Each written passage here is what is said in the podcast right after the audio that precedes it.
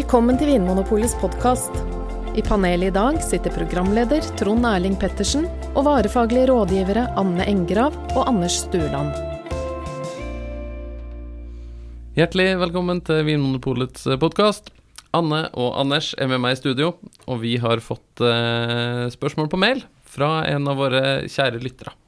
Det er Håkon Ødegård som har veldig lyst til at vi skal snakke om østerrikske viner. Eh, Håkon skriver Hei, takk for fine og lærerike podkaster. Jeg kunne gjerne tenkt meg en om østerrikske viner. Grüner Weltliner har etter mitt skjønn gjort et lite inntog, inntog på vinkart i restauranter de siste årene. Hvordan er denne druen eh, opp mot f.eks. Riesling fra Østerrike? Eh, hva syns panelet om disse vinene, og hva med østerrikske rødviner? Det finnes vel ikke så mange av dem på polet, skriver Håkon. Ja. Hva Mange vi... gode spørsmål der. Ja. Ja. hva vil dere begynne med? Rødt eller hvitt? Vi begynner med det hvite. For, ja. Ja. Er det ikke sånn det pleier å være? Og da begynner vi med Gryner Veltliner, som Håkon spør om her. Ja. Eh, Hva kjennetegner den drua, Anders? Mm. Det er en grønn drue, men som blir, den blir vel litt sånn gul når den blir moden. Den sånn som alle andre grønne druer. Mm. Det, man, Hvite viner. men man skulle jo tro at den var grønnere enn andre druer, for den heter Grüner. Grüner, ja. Ja, Men, sånn, ja. ja, men eh, den, den ser helt eh, vanlig, vanlig ut. Ja. Mm. Ja. Og, og hva smaker vinen? eh, Ah, den smaker Hva er eh, det første du tenker på når du hører Grüner Veltliner. brønnkarse. Oi, det var veldig spesifikt. og brønnkarse, det er jo da en eh, urt, plante, Ja. som smaker litt sånn Nesten- sennepsaktig. Ja, nesten sånn pepperaktig. Pepper, sennep. Mm. Mm. Og det er fordi at det faktisk fins et sånt kjemisk stoff som heter eh, rotunon. Rotundon, Rotundon. mm. Ja. Ikke rohypnol. Nei, Det er noe annet. rotundon, som eh, også fins i den, der, den blå druen som heter syra, men som gir et sånt pepperpreg. Og det samme stoffet fins i ordentlig pepper. Ja. Ja. Dette er hvit pepper, da. Et, ja. Men, men ja, den, den men vinen- bortsett fra pepper og brønnkarse, er det noe frukt? Ja da. Eple og kanskje noe sånn pæreaktig. Og er de laget av ekstra modne druer, så blir den litt sånn aprikosaktig. Mm. Mm. Um, Anne, her skriver Håkon eh, at han har observert Grüner veltliner på en del vinkart på restauranter de siste årene. Mm. Hva tror du det er som gjør at eh, det har blitt en populær matvin på en del restauranter? Eh, nei, jeg tror at det er fordi at det er en veldig god matvin. Den er veldig anvendelig å bruke, og den, eh, den legger seg litt sånn fint i i bakgrunnen, tar ikke sånn veldig mye plass. Og så har den en sånn god, litt sånn oljete munnfølelse også, som kan være med på å liksom fylle ut den hele matopplevelsen. da. Så det, det er ikke en sånn veldig aromatisk hvitvin, sånn à la Riesling eller Sauvignon Blanc, som kan være voldsomt sånn fruktig og Ja, ikke sånn voldsom Den er ikke, den er ikke tilbakeholden, men den, er, den har et, sånn, et litt kortere spenn, vil jeg si, enn en, Mm. en Riesling, som Ja. kan være mer sånn blomster og Ja. veldig, veldig fruktig, da. Et sted mellom Riesling og Chardonnay, på en måte. Sånn Ja. i Ja. mengde frukt. Mm.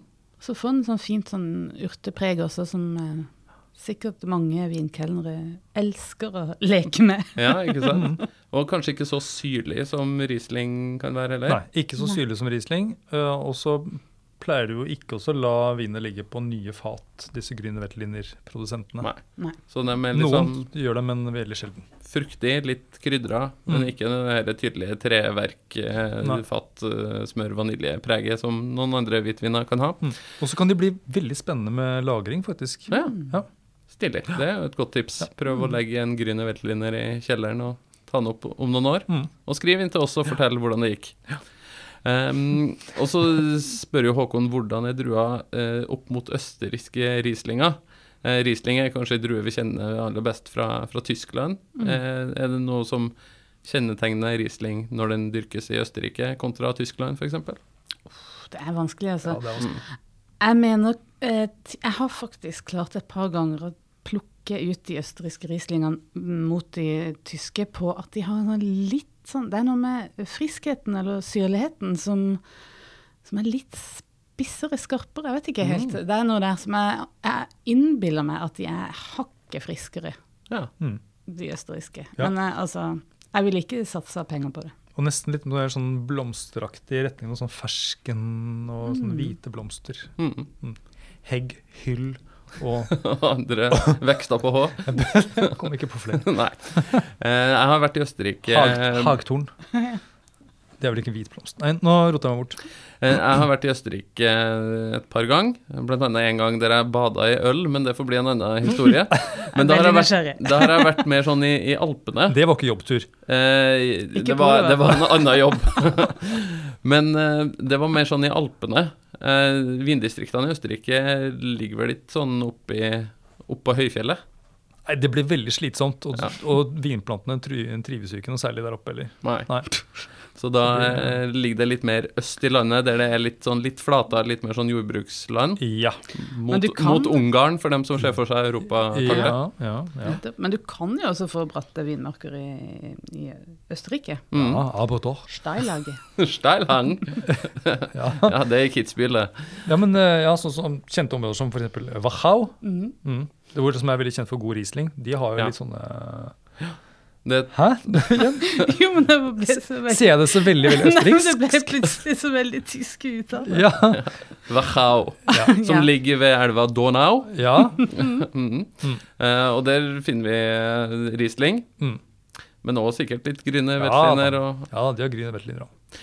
og så er det rødvin, som Håkon spør om. Og da skal vi litt lenger lenger Ja, sør-øst. da nærmer vi oss uh, Ungarn enda mer, ja. Mm. Er det noen eh, kjente druer fra andre land som de bruker der, eller har de sine egne druer i Østerrike?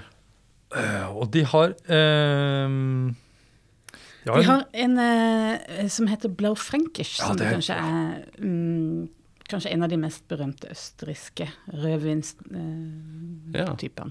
Blau Frankisch. mm, Ja. Den blå franske. Mm, det må bety det. Ja. Ja. Hvordan smaker den? Eller hvordan smaker vinen som lages av den drua her?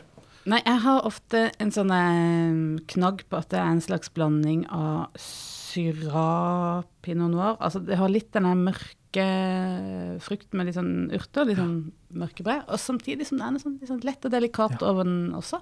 Det er akkurat det samme jeg har tenkt, nemlig. Er det sant? Syrah Pinot Noir. Nei, Ja. det er jo magisk. Mørkebær, skogsbær. ja. For meg er det Eh, noe Litt sånn urt ja.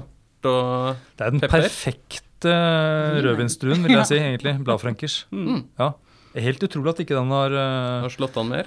Ja. ja, Jeg holdt på å si verdensherredømme, men det blir så feil. Ikke begynne med Østerrike og verdensherredømme. Det blir bare, det Det blir bare bare- tull. Dit skal vi ikke Nei da, men. Den døra åpner vi ikke igjen.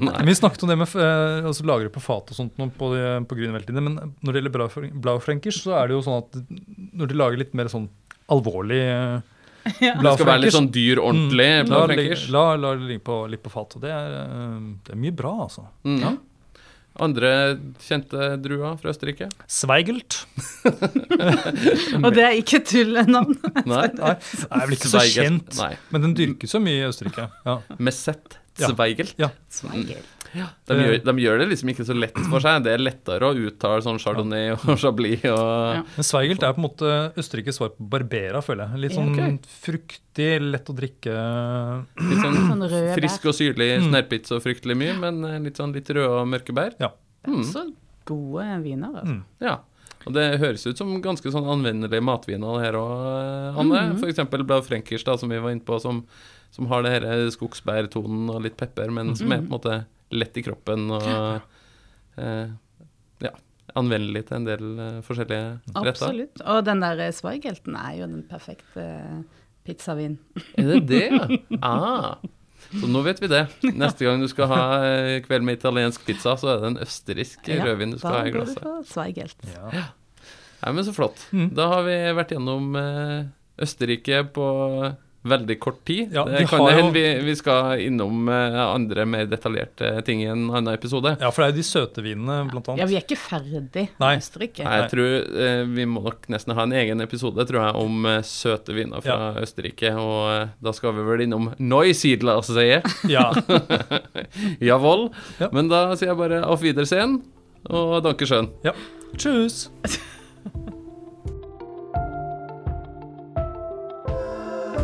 Takk for at du hører på Vinmonopolets podkast. Har du forslag til et tema i podkasten? Send mail til podkast at vinmonopolet.no. I tillegg svarer kundesenteret deg på e-post, chat og telefon.